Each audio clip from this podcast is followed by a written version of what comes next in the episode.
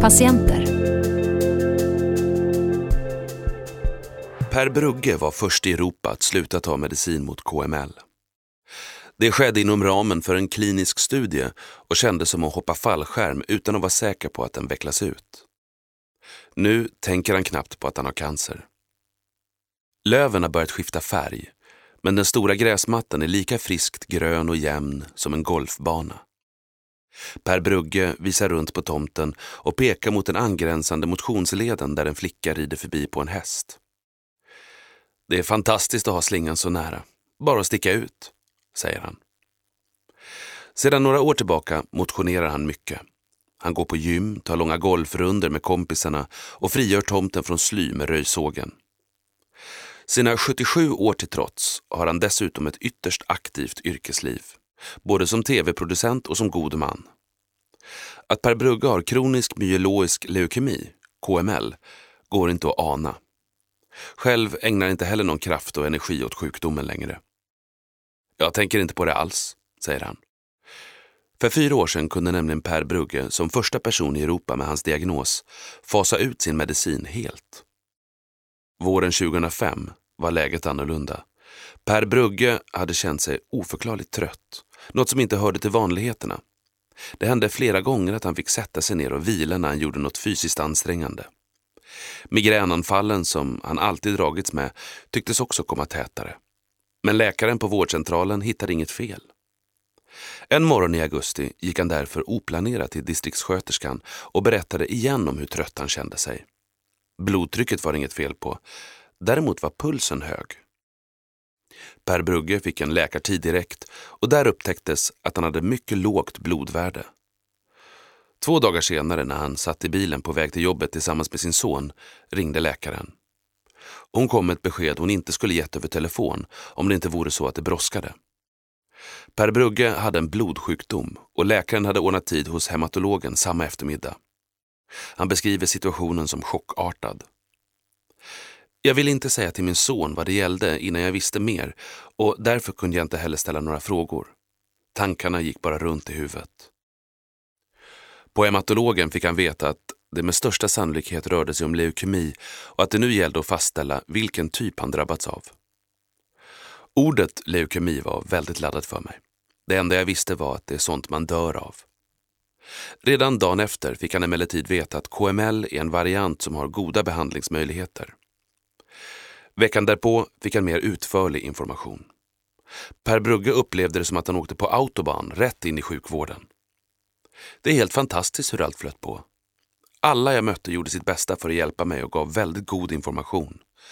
Samtidigt var det tungt att gå från att egentligen aldrig ha varit sjuk och uppleva sig som odödlig till att få en kronisk sjukdom. Samma dag tog han sin första tablett av den medicin som han fick veta att han skulle behöva äta varje dag under resten av sitt liv. Han funderade över vad den skulle ha för biverkningar men kände sen inte av några alls, utom möjligen en något mer aktiv mage. Medicinen i kombination med två blodtransfusioner gjorde att han snart kände sig mycket piggare. De veckovisa blodprover han lämnade på vårdcentralen visade också att medicineringen fått önskad effekt ovanligt snabbt. Värdena blev bättre och bättre, besöken på vårdcentralen glesare och glesare. Efter sju månader kunde man överhuvudtaget inte se tecken på leukemi ens i de mest avancerade mätningarna. Då var jag i princip fri från sjukdomen. Sina dagliga tabletter behövde han dock fortsätta att ta och gjorde så under de följande sju åren. Per Brugge hade samma läkare under hela den här perioden. En läkare som också bedrev forskning kring kronisk myeloisk leukemi. Det var han som berättade om ett europeiskt projekt som han var involverad i där en testgrupp skulle få prova att sätta ut sin medicin.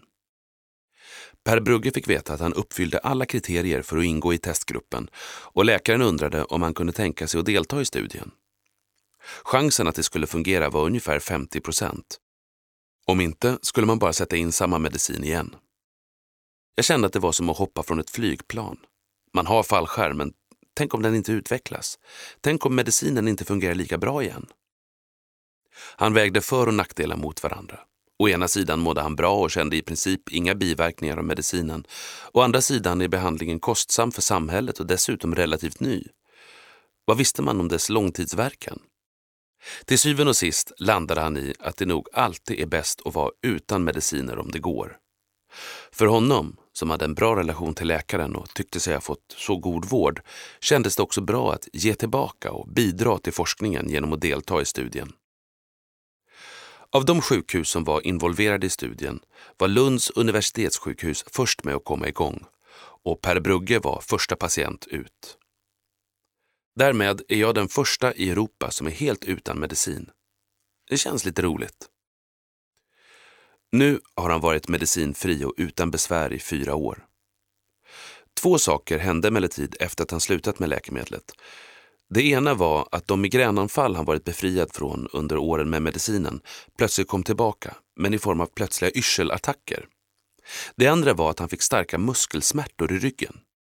Båda dessa tillstånd utreddes grundligt av läkarna som kom fram till att det inte hade något med vare sig leukemin eller den utblivna medicinen att göra, utan hade andra förklaringar. Jag har gett hematologen mycket arbete genom mina extra problem, säger Per Brugge. Var tredje månad lämnar han blodprover. En gång om året träffar han också hematologen som lyssnar på hjärta och lungor, frågar hur han mår. I övrigt är det inte någon skillnad på livet han levde under medicineringen och den tillvaro han för nu.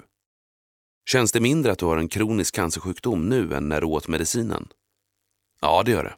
Jag betraktar mig som frisk, men jag blir naturligtvis mer vaksam i takt med att jag blir äldre. Jag tänker, vad händer härnäst? Tidigare ingick det inte i min självbild att vara sjuk. Nu har jag fått lite mer respekt för hur snabbt det kan gå.